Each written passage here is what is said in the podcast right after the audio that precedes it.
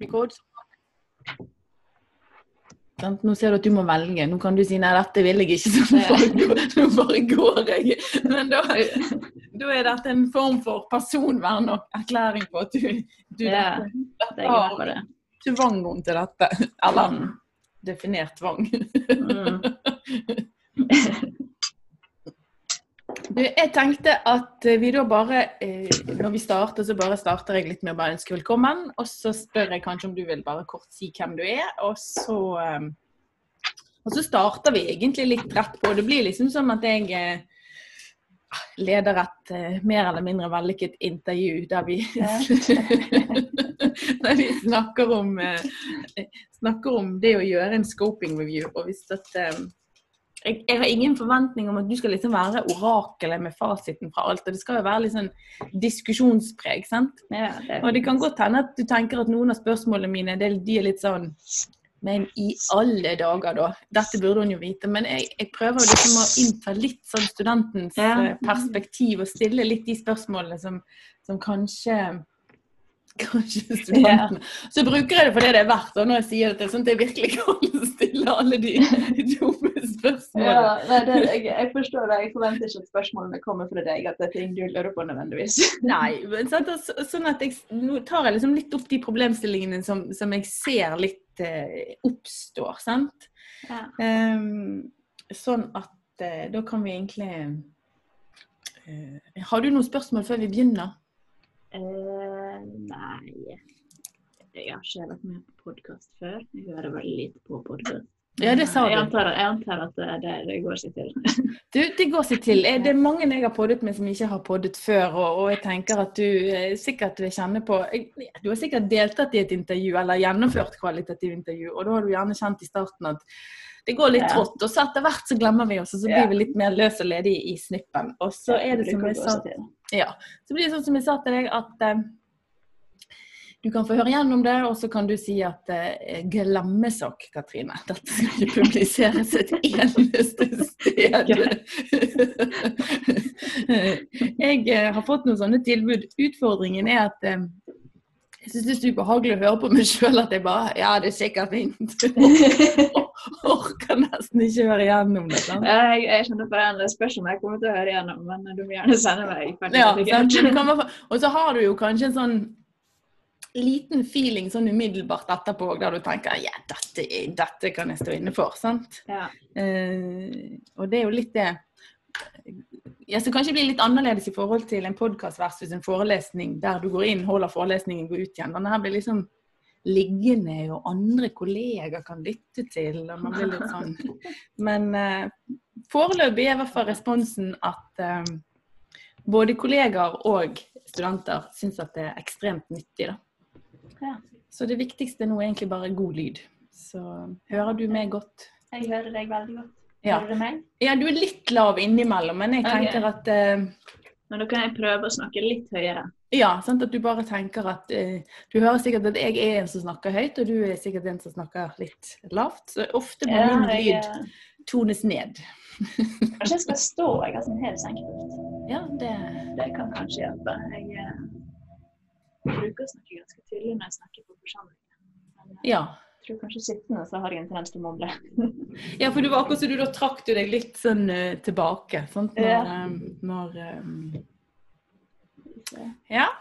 Men skal vi bare kjøre på og sette i gang? Ja, la oss prøve.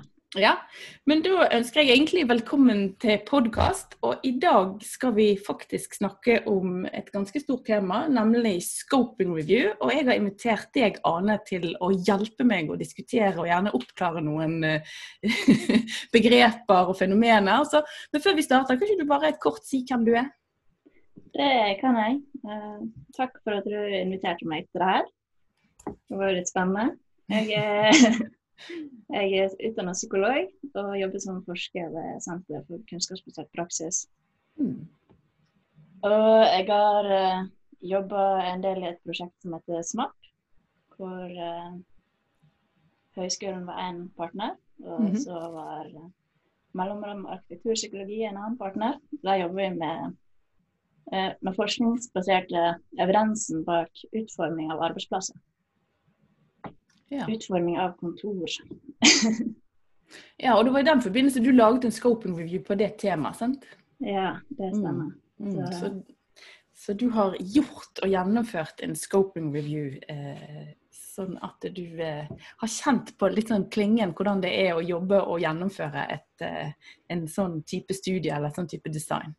Ja, Og så- tenkte jeg liksom, hvis vi nå, Når vi nå starter, så tenker jeg at veldig mange av oss har jo skrevet enten en, litteraturstudie eller en tilnærmet eh, ja, systematisk litteraturgjennomgang. Å kalle det for en systematisk oversikt det er kanskje å dra det langt når vi har gjort det alene. Og da er jo fokuset ganske mye på at du skal, ja, som student i hvert fall, eh, formulere en ganske sånn presis eh, og spisset problemstilling.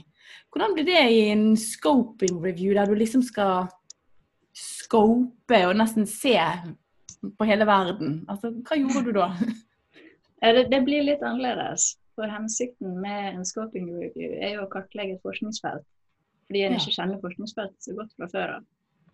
Og når en ikke kjenner forskningsfeltet fra godt, så godt fra før av, så blir det da veldig vanskelig å komme med en veldig spissa problemstilling. Og, fordi, fordi når du begynner å gjøre søket ditt, så finner du ut at oi, det så jo ikke ut sånn som vi trodde, eller sånn som vi forventa. Fordi en kjenner ikke forskningsfeltet fra før av. Det er jo det som er hensikten. Nei, Det er bakgrunnen for at en gjør studien. Men, men hvordan går du fram da, sånn i, i forhold til det? Altså, har du mer fokus på å formulere en, en hensikt enn en, en, en presis formulering i forhold til et forskningsspørsmål, eller bare har du et veldig åpent tema? Ja, nei, Vi eh, begynte egentlig med et ganske åpent tema. Vi hadde det som et sånn åpent tema ganske lenge før vi Mm.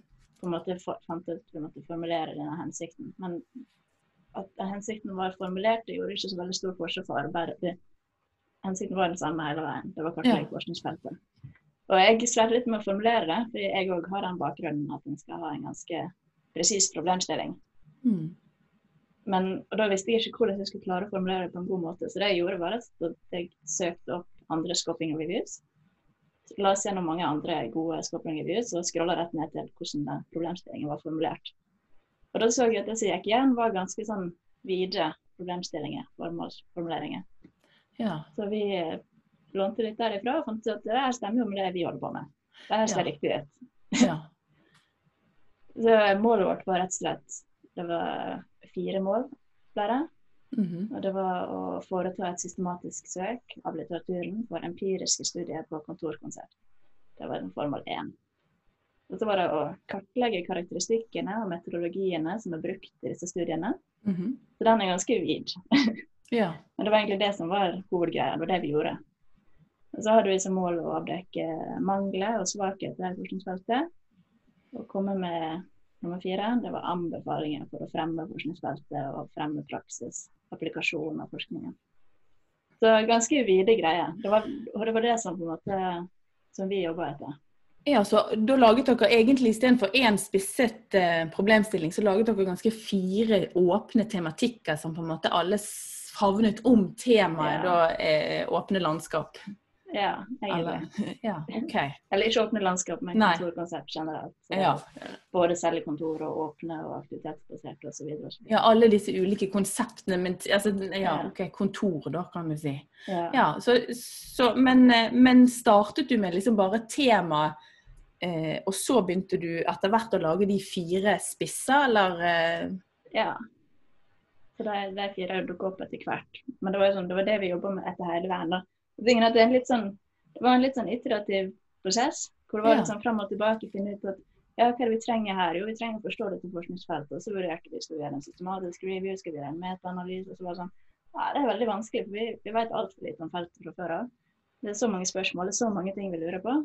Og da var det var Hans Lund på, på senteret da, som Ja. eh, sa at eh, her er det helt tydelig at det trengs en scoping review. Og det hadde jo ingen av oss forfatterne hørt om. Det, det, var, så, det var ikke meg alene som skrev det. Det var jeg, og så var det Frode Tuen og Elisabeth Søyland. Mm. Og for oss var scoping review en litt ny greie. I alle fall var det det for meg.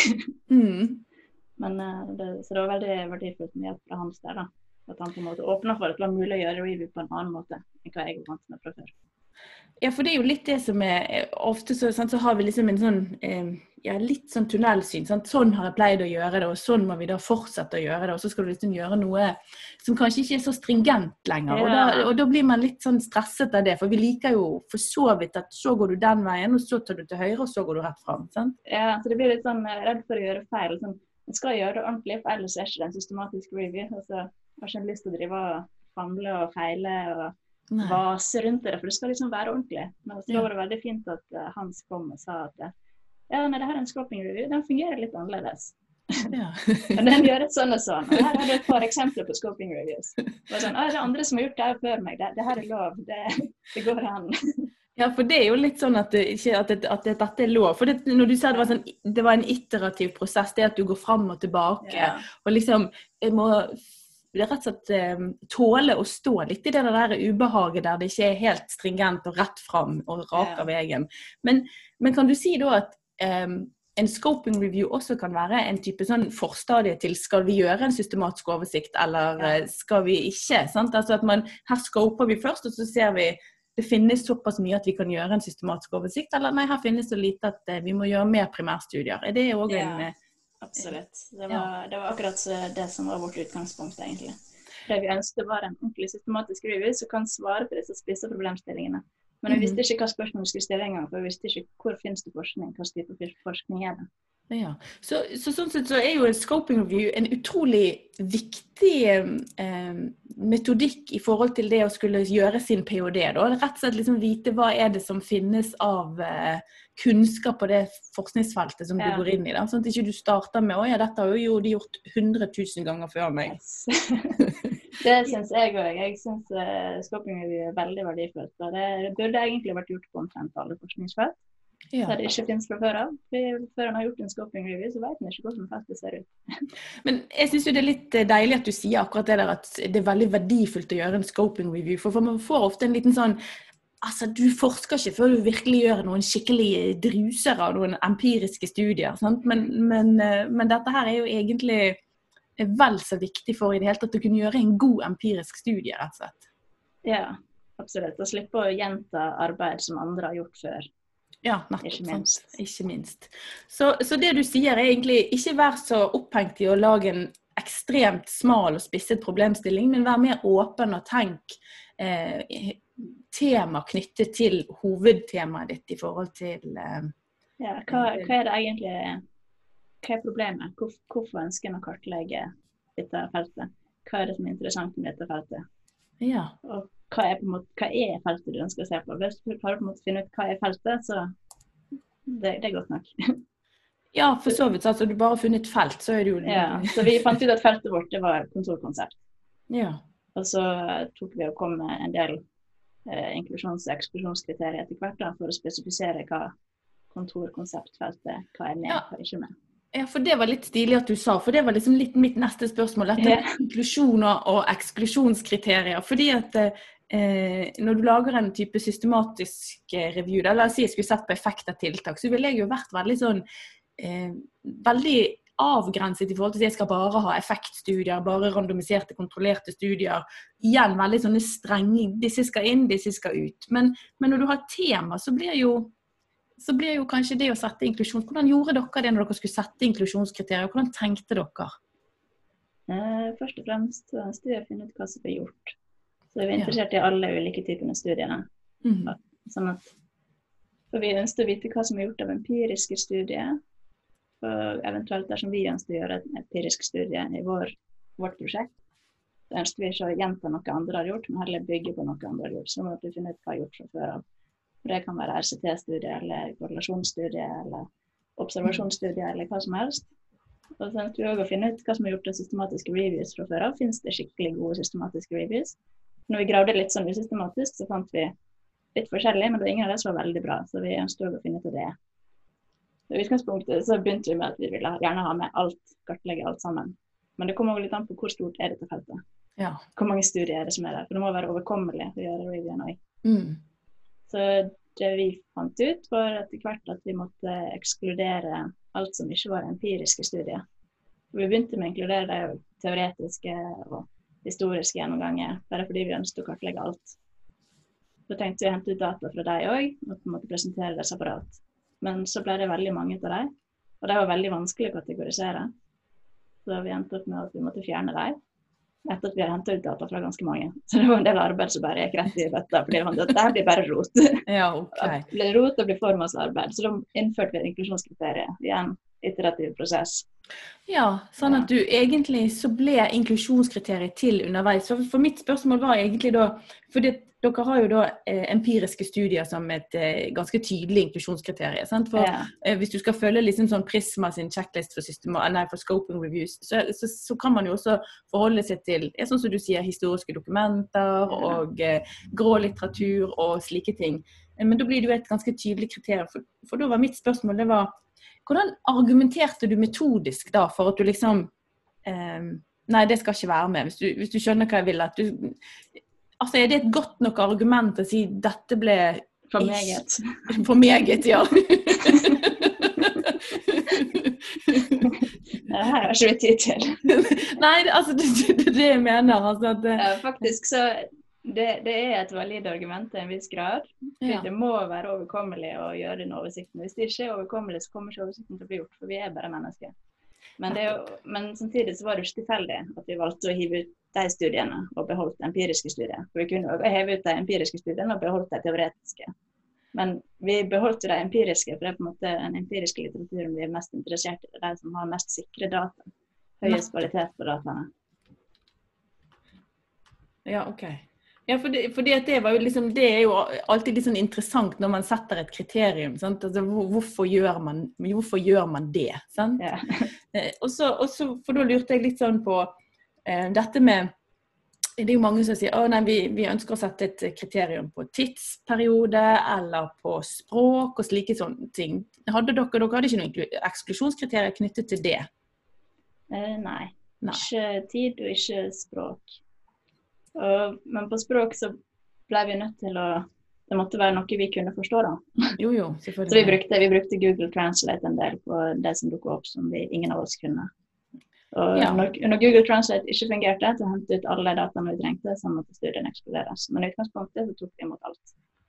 Ja, sånn at dere er ganske åpen på, men, men at altså eksklusjonskriteriene de kommer etter hvert. Men når du sier det, lager du inklusjonskriterier, eller lager du eksklusjonskriterier? Eller lager du begge deler? Det det veldig godt. Hva var det jeg gjorde- det da? Det her er jo litt. Du må ikke nødvendigvis eh, si at vi alltid gjør det ene eller det andre, men jeg bare tenker at eh, eh, hva er det viktigste da i forhold til eh, å Ja, si nei, jeg tror vi hadde, vi hadde vel inklusjonskriteriet, -hmm. og så hadde vi eksempler for å forklare inklusjonskriteriene. OK. Så, så det var eh, Det måtte være kontorkonsept som var relevante for kunnskapsarbeidere. Den er ganske vid. Folk som jobber med hodet sitt på et kontor, og gjerne på papir og data. Mhm. Så for eksempel så var det veldig mange studier som handler om legekontor. De er jo på en måte kunnskapsarbeidere, men i stor grad tar, de tar imot pasienter på kontoret. de har en litt annen type arbeidshverdag. Mhm. Og det var veldig mange av de studiene som fant ut at de er ikke så relevante for akkurat det vi ønsker å se på. Nei. Så da ekskluderte vi dem og tok dem som et eksempel på Og så var det òg sånne mobile kontor osv. Så, så, vi, Ja. så det, det var ting som dukket opp etter hvert, da, så jeg fant ut at vi diskuterte oss mellom og så var det nei, det her er ikke så relevant. Og så Ja, men tiden, ja, men hele tiden så hadde du en type logisk argumentasjon for hvorfor dette ble ekskludert etter hvert. Ja. Det, for, for det er jo litt sånn tilbake igjen til dette at dette ble så veldig meget etter Da tar vi det ikke med. Altså, det var jo en del studier som, der det var bare ett et eller to eksempler på studiene. eh, Som, og så ble det ekskludert likevel. Og det, det kunne vi enkelt ha tatt med, for det ville ikke vært for meget. Men jeg fant ut at det var ikke relevant nok. Det var ikke relevant nok, nei. nei, nei for det er jo, helt, og da går du tilbake inn til aim eller etter hensikten eller de fire på en måte overordna tema, og så ser du liksom Svarer vi egentlig på det som vi og Så ser en litt òg ut fra de studiene vi finner, da, så finner vi òg ut hva er det egentlig hensikten vår er. Da ser vi plutselig alle disse studiene som vi ikke forutså. Og så er det ja, men du passer jo innenfor problemstillingen vår, men det var ikke deg, det var ikke deg vi tenkte på. Nei. Og da må man tilpasse problemstillingen til det. Så eksempel òg utfallsmål. Vi eh, formulerte utfallsmål som utfallsmål som er relevante for ansatte og organisasjon. Det vil si at det var noen studier som ikke falt innenfor det. Mhm. som vi da måtte ekskludere. Men i utgangspunktet så hadde vi tenkt at å bare kalle feltet for kontorkonsept, det var, det var godt nok. Men så viste Mm. det seg at det var det ikke. Vi måtte faktisk ha et enda, enda et lag til av inklusjons-eksklusjonskriterier for å på en måte Ja. rammer rundt feltet vårt. Ja, så, sånn at det du sier, det er det at, eh, altså at temaet deres er egentlig mye videre enn det egentlig fantasien deres klarte å forutse i starten. sant? Eller du har hele tiden Nå har vi gardert oss for alle muligheter, og så er det et nytt konsept. Så det, Oi, den så ikke komme. Ja, Så, ja. Og da må du justere i forhold til hensikt, og ikke minst utfallsmålet ditt eh, kan også være. Men, men de utfallsmålene som du da skisserte nå, eh, var det noe som også dere på en måte satte underveis, eller ble det eh, ganske tydelig definert i starten på protokoll, eller på, på Ja. dere skulle lage en scoping review? Ja, vi visste jo at det skulle være utfallsmål som var relevante for ansatte og organisasjoner. Ja. Men vi så ikke at det var nødvendig å spesifisere det før vi så studiene som dukka opp. Ja. Sånn at dere hadde mer et sånt overordnet utfallsmål som ble mer presist og spisset underveis i prosessen. Så også det òg hadde en sånn fram og tilbake Ja. eh, Så det blir på en måte, det blir påvirket underveis av hva vi finner. For det er det at Vi vet ikke hvordan feltet ser ut før vi begynner å grave. Nettopp. Så, det, sånn, ja, så sånn sett er det viktig å nesten loggføre og være metodisk veldig Ja. etterrettelig i forhold til det å si hva skjedde og hvorfor. hvorfor Det- sant? Kjempeviktig. Ja. Så eh, vi eh, begynte jo å skrive selve artikkelen ganske tidlig. Og jeg førte da inn alt av dette her som dukket opp. Mhm. At denne type studien kan ikke være med, og denne type studien kan være med. og så sånn og sånn, eksempel, eksempel. Og så var det også, når vi, når vi diskuterte ting imellom og fant ut at den type studie kan ikke være med, så av og til måtte vi gå tilbake igjen da, gjennom alle studiene vi hadde inkludert, og sjekke det er ikke noen av de som faller i den kategorien. Nei. For det, det må man òg sikre at når en innfører et nytt eksklusjonskriterium, f.eks. Være helt sikker på at det ikke finnes noen studier av den, typen blant de som allerede er inkludert. Ja. Så og tilbake, frem og tilbake. Så, ja, så det du sier er jo egentlig at du må være uhyre etterrettelig, så ikke du legger ut sånne små snublefeller for deg sjøl. At Ja. du rett og slett har inkludert de tidligere, og så ekskluderer du seinere. Og så har du på en måte et metodisk litt sånn svakhet i kraft av at du motsier deg sjøl, nesten. sant? Ja, så Mm. en må sørge for at en vet akkurat hva som er inklusjons- og eksklusjonskriteriene, og at man har fulgt dem gjennom alle studiene. Ja. Om det så betyr at du må gjøre arbeid om igjen. Så det er, sånn, det er lurt å tenke ut så masse en, tenke ut så masse en kan i forkant, men det er sånn begrensning for hvor, masse, hvor god fantasien har, som du sier. ja. For det finnes så masse rare studier der ute. og det er, jo, det er jo bra. Um, men, men så det er på en måte det å stå i metoden og eh, på en måte gå fram og tilbake og kjenne på og tåle på det der egentlig litt stresset og presset med å aldri nødvendigvis gå tre skritt fram, men hele tiden bare gå fram og tilbake eller på tvers, det, det er nyttig når man gjør en scoping review. Ja, det blir litt fram og tilbake. Ja. Det er ikke helt til å unngå. Nei, det er ikke til å unngå. Ja, men uh, Utrolig bra. Da, at- så lurte jeg på én ting, eller ikke bare én ting, det er mange ting jeg lurer på. For nå har vi liksom snakket om at temaet er ganske åpent, men så dannes eh, på en måte mer spesifikke eller spisse tema eller hensikter og problemstillinger underveis. Og det samme med inklusjon og eksklusjon. Og da kommer vi til noe som jeg tenker er litt utfordrende. Fordi at eh, søket Jeg tenker jo liksom at det er en problemstilling med, med de og de søkeordene, og vite at du skal inkludere og ekskludere på bakgrunn av slik og sånn. Det danner jo litt premissene for det å gjøre et søk. Eh, hvordan, eh, hvordan gjorde dere det når dere skulle søke i forhold til tema? Laget dere veldig mange ulike søkestrategier? Da tenker du ulike strategier i ulike databaser? Ja? Altså liksom, for, for du søker jo både effektstudier, du søker kvalitative studier, altså hvordan oppleves det. Altså det er noe med liksom å skulle favne Du vet den der eh, hvilken effekt og hvordan føles det spørsmål. Det er jo liksom, Da får du liksom svar på alt eh, eller ingenting. det, det var det jeg liksom lurte på. Hvordan, hvordan eh, ja, hva prosess hadde dere i forhold til det å skulle gjøre søk i så mange ulike databaser? Eh, ja, altså, jeg tror Nå er jeg kanskje ikke den beste til å gå inn på akkurat det temaet, for jeg tror kanskje det er litt forskjell mellom mitt fagfelt, psykologi, og medisin, når det kommer Ja. til akkurat det her. mhm, Medisin er et langt større fagfelt, ja. som har veldig mange forskjellige tydelige undergreiner som gjør at ulike søk antageligvis gir god mening. Mm. Innenfor psykologi så er, fungerer det ofte fint i min erfaring å gjøre samme søket på tvers av database. Bruke det samme søkeordet. Ja. Og jeg, jeg er òg litt personlig litt sånn kiss. Keep it simple, stupid. Hvis det er mulig å holde det enkelt, så, så foretrekker jeg absolutt det. Så jeg vil streve litt for å holde det enkelt. For jo flere ulike søkestrategier en har, jo mer er det å forholde seg til. Mm. Hvis du må gjøre endringer underveis, hvis du finner ut at noe ikke funker, så må du gjerne dobbeltsjekke på tvers av søkestrategiene. Det blir mer å forholde seg til i hodet, å balansere og sjonglere. Men det kommer jo an på denne balansen mellom å få inn uh, mest mulig relevante studier og minst Ja. mulig støy. ja. Ja. det er tilbake at hele tiden dette med støy. Sant? Det tar jo mye tid å skulle ekskludere alle ikke-relevante studier. Men da lurer jeg på, eh, søkte du alene, eller gjorde du det i samarbeid, eller fikk bibliotekar til å søke for deg? Det gjorde jeg alene. Mm.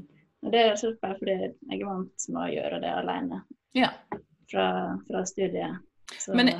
ja, men jeg syns jo det er bra at du sier det, for jeg tenker at det, det betyr at du må på en måte ikke ha en sånn forskningsprofesjonsbibliotekartittel for å kunne klare å gjøre søk. sant? Altså det, det skal vi kunne klare, vi også. sant? Og så kan vi heller søke råd da, når det tårner Ja. seg litt grann hos en, Ja, hos en altså jeg har, eh, jeg har eh, hatt hjelp av bibliotekaren når det har sagt stopp på ulike tidspunkt i ulike, ulike prosjekter. Da har det vært nyttig. Men eh, stort sett så gjør jeg det på egen hånd. Men hvor mange databaser eh, søk, trenger ikke liste opp alle du søkte i, men liksom, eh, hvor mange databaser gjorde du faktisk søk i?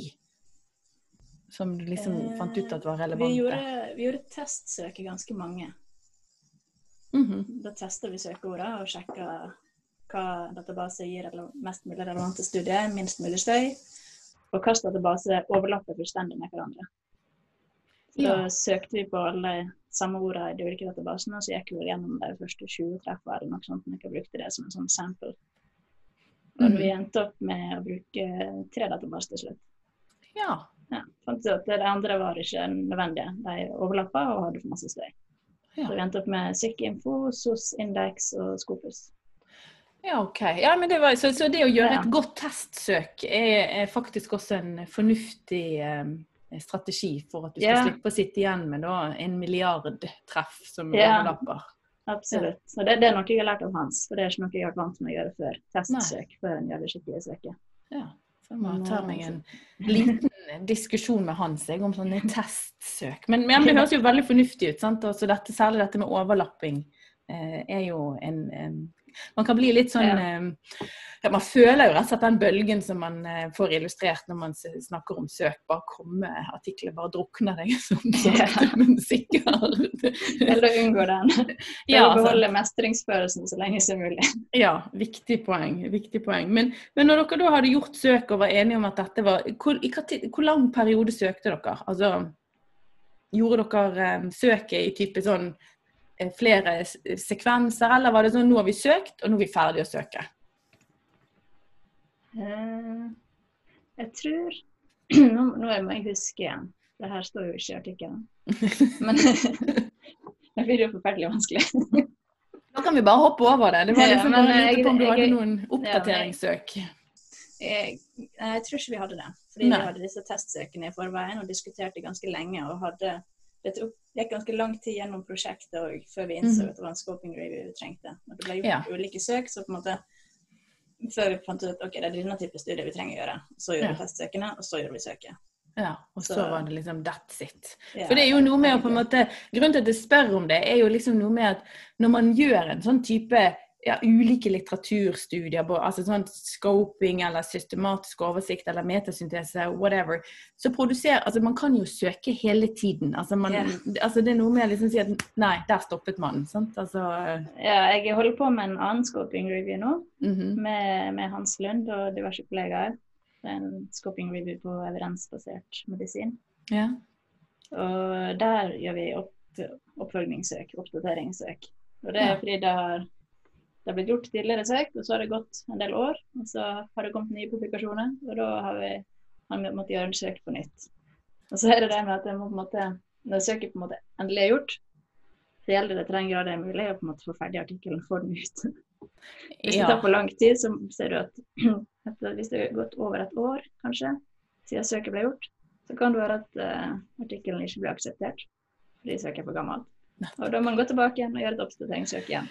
Så, Ja, så man må liksom eh, Egentlig så må søket ligge så tett opp til publikasjon som mulig, egentlig. For ja, ideelt sett Ja. så bør allting være såpass spikra at når søket er gjort, så kan du på en måte til en viss grad spurte gjennom resten.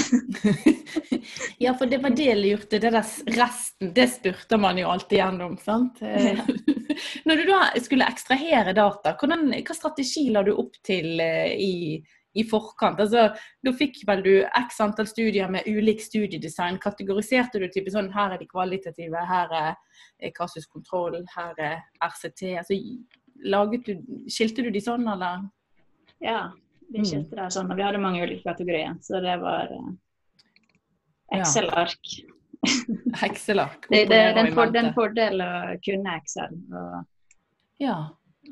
Bare, ikke nødvendigvis kjempeavansert, men bare, bare det å kunne putte på filter og kunne skjule og hente fram radiokolonner og ok, Det gjør det langt enklere å forholde seg til. Hvis, en, hvis Excel er litt sånn uhåndterbart og vanskelig, så Mhm. blir fort eh, dataekstraksjonen òg uhåndterbar og vanskelig. for Plutselig har du et gigantisk Excel-ark, og hvor var jeg igjen? Ja, så rett og slett sette litt inn i Excel og systematisere artiklene dine i Excel. Da har du gjort deg sjøl en stor tjeneste på veien. Ja, så det, det var Excel vi brukte som arbeidsark. Jo, men jeg tenker jo ja, men jeg tenker at det, Excel er på en måte for noen veldig intuitivt, for andre ikke så intuitivt. Nå snakker jeg om meg sjøl. Men det er noe med å Du trenger ikke tenke mer avansert enn Excel heller. Sant? Sånn at, Nei, eh, nei, nei. nei. Excel har det du trenger. Ja, Men gjorde du da eh, Nå tenker jeg sånn som de eh, kvalitative studiene, og hvis du gjør en metasyntese, sant, så, så gjør jo du gjerne en tverrgående analyse, gjerne abstraherer på et nytt nivå. Det gjorde du vel ikke? Du hadde vel Eller mer bare en sånn deskriptiv 'dette sa de'? Ja, eh, veldig deskriptivt. Så mange studier av denne typen, så mange studier av denne typen. Det Ja, og, eneste vi gjorde som liggende på en analyse, var at vi, vi sjekka to faktorer som vi visste i forkant at var antageligvis ganske viktige. Eh, For i prosjektet så har vi en del praktikere med. Arkitekter og designere og folk med bygningsbakgrunn, ingeniører og sånt, noe, som på en måte jobber med kontorutformingen. Og de mente at i forhold til kontorkonsept, så er det veldig viktig med akkurat hvordan utformingen gjøres. Hva folk har av tilbaketrekningsrom. Eh, hvor mange er det som sitter i et åpent landskap hvis det er et åpent landskap. Hvordan er muligheten til å trekke seg tilbake og ta en telefonsamtale. Hvordan er støyskjermingen, hvordan er estetikken.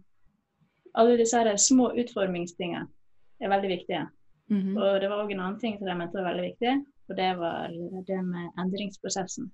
Hvis en går fra en kontortype til en annen, f.eks. fra kjellerkontor til åpent landskap, den er ganske vanlig. Hvordan foregår endringsprosessen? Mm. Involverer en de ansatte? Spør, spør en dem om tilbakemelding underveis?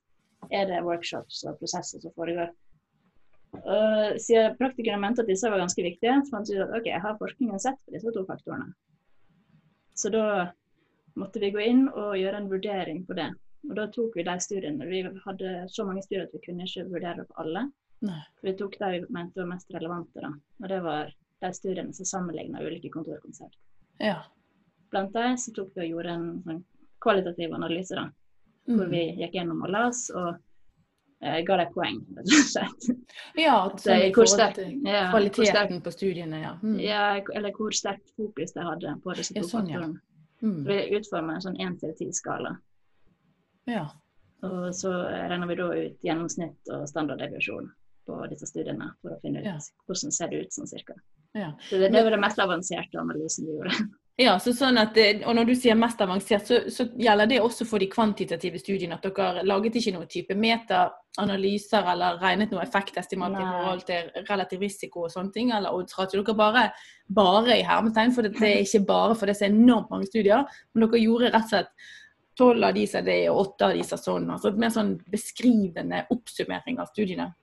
Ja, og i veldig stor grad grafer. For å få Ja. fram hvor mange er det som ser på dette utfallsmålet, hvor mange er det som ser på denne kontortypen osv. Så, videre. så veldig, veldig visuell presentasjon av hvordan Ja. For, for på en måte gi, det nære, gi det kartoverblikket. da. Det var på en måte målet, å få overblikket sjøl og kunne gi andre overblikket. Men det å lage visse altså, histogrammer og, og, på en måte sånn, det var jo sikkert ikke så dumt i forhold til å lage det bildet, da. Ja, vi syns iallfall det var veldig nyttig. Når jeg har presentert det for andre, så er det ganske intuitivt. Ja, nettopp. sant. Ja. Og så blir det mindre tekst òg, gjerne, da, fordi at du kan på en måte henvise til en, Ja. en graf. sant? Litt mindre tekst, men Ja. uh, mer enn nok tekst. Fordi vi har ganske mange, ganske mange sånne grafer og ting vi henter ut. Så. Ja, det vil jeg tro. Men, men da lurer jeg på hvordan For nå har vi liksom tatt for oss nesten alle trinn eh, sånn igjennom. sant? Men da lurer jeg på Det å skulle oppsummere og konkludere, hvordan klarer man liksom å gjøre det på en eh, systematisk måte når man har så utrolig mange forskjellige typer studiedesign? Eh, Når du sier at sant, Ofte så sier konklusjonen skal på en måte kort og konsis og oppsummere hele studien din litt sånn to the point. Og så er det sånn Ja, skal vi se, nå hadde vi 38 sånne, 72 sånne. Altså, Det gjelder å det er en av formålene med studiene er å gi overblikket. Ja. Så det gjelder å ha det overblikket i konklusjonen òg. Mm. Så det, da, da forteller du ikke hvor mange studier du har, de ulike typene, men det er sånn hvordan, hvordan er helhetsinntrykket her? Hva ser ut til å være på en måte, styrken og svakheten? Og så oppsummerer en del av det som allerede har nevnt tidligere i artikkelen. Mm. Så det blir litt sånn gjentakelse av de viktigste poengene. Men For å samle alle de viktige hovedpoengene på en plass. Så du får et litt mer sånn overordnet perspektiv, da, men ta utgangspunkt igjen i, i hva var hensikten og, og utfallsmålene dine med, med denne yeah, studien, yeah. for å liksom summere det opp i et sånt Ikke yeah. akkurat et metaperspektiv, men ikke på detaljnivå, da. kan. Nei, gå tilbake igjen til de målene og problemstillingene, temaene. Ja, Helt riktig. Og så vil jeg også nevne at eh, vi vurderte jo å gjøre metaanalyse òg. Ja. Vurderte å gjøre kvantitativ analyse, for det er ikke det at det ikke går i en scoping review. Det går an å gjøre det òg, og ha det Mm. som en del av scopingen. Da vil jeg gjerne kalle det for scoping review with meta-analysis. ja. Men, eh, så vi var åpne for det, men vi fant ut når vi henta ut eh, dataene, at det var ikke mange nok, og det var ikke godt nok til at det ga mening å gjøre metaanalyse på noen av de temaene vi syntes var interessante. Nei.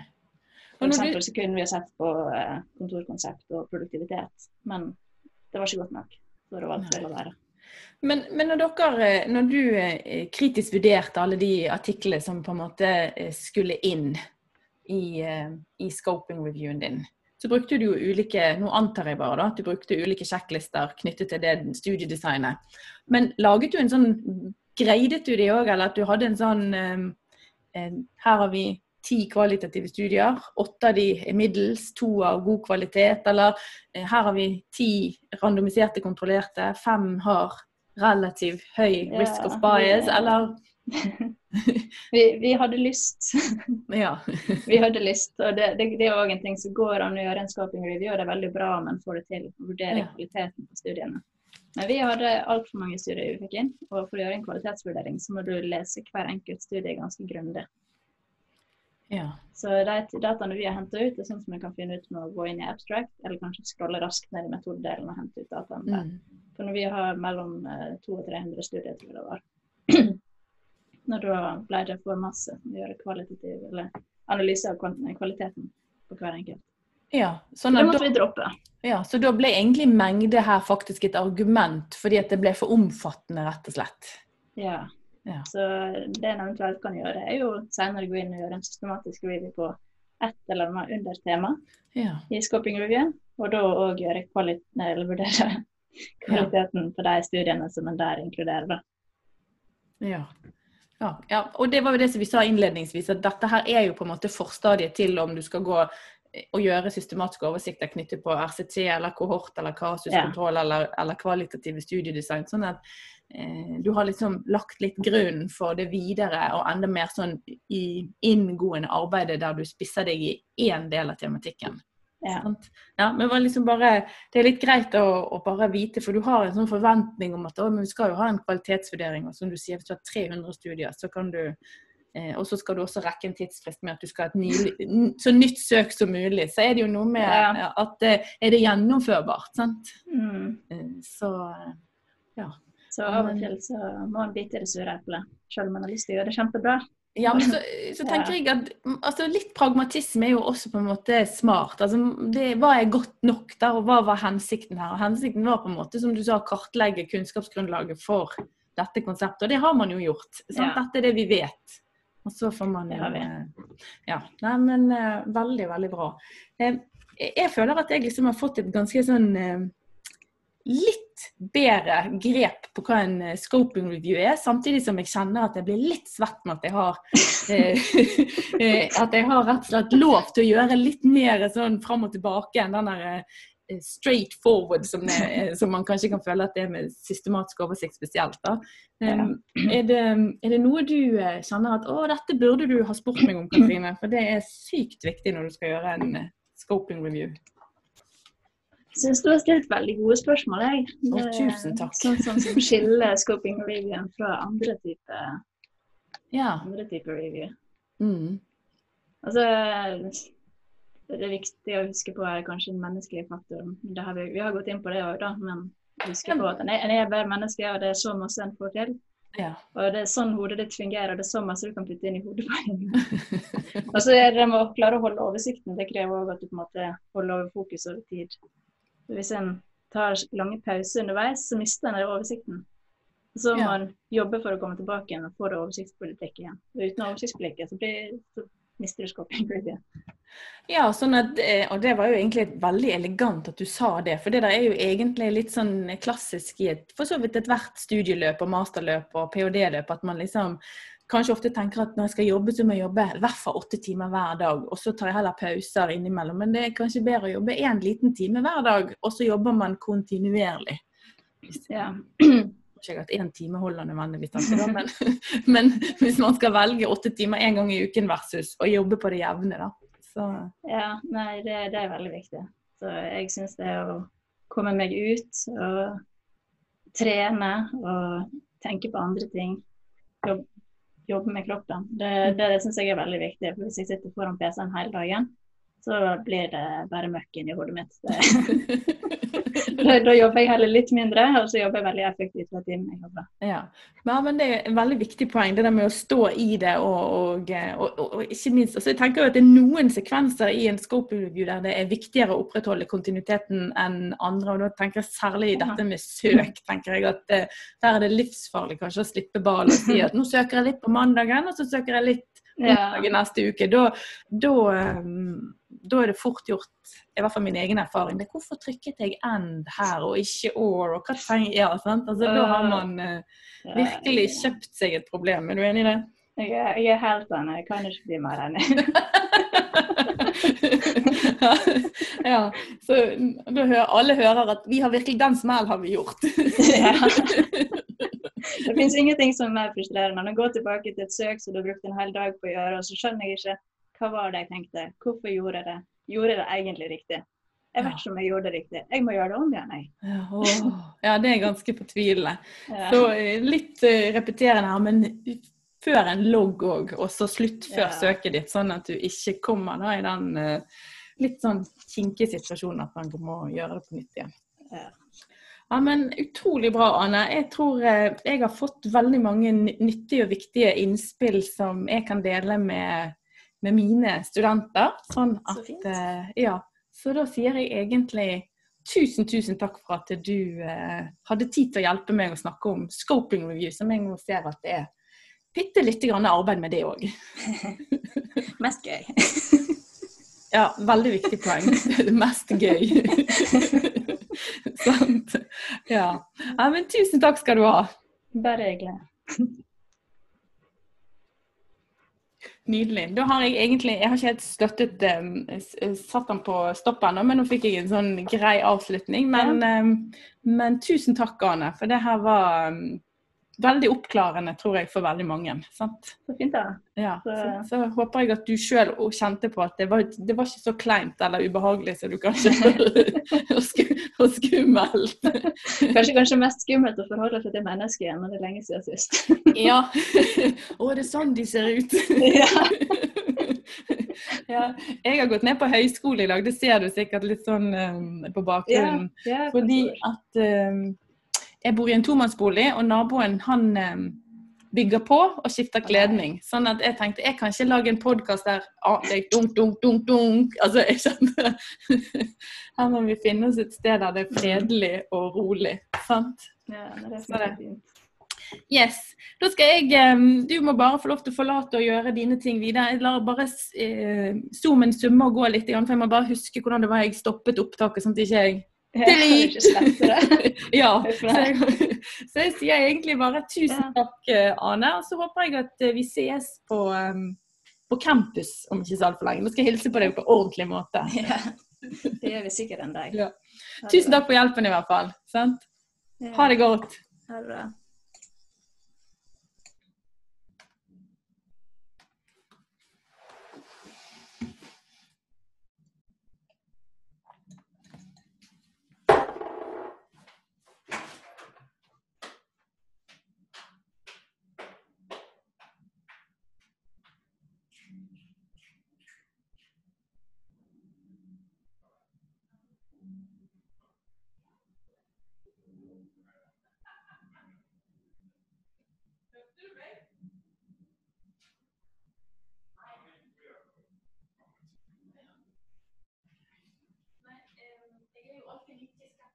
Når jeg skal stoppe recording. Sånn at jeg har egentlig sagt at hun kan bare gå ut og møte, og det har hun gjort. Og så har ikke jeg egentlig eh, Han er der, selvfølgelig. sant? Mm. Så bare trykk på stopp. Den? Den universelle firkanten. Stopp. Stopp recording. Oh, yeah.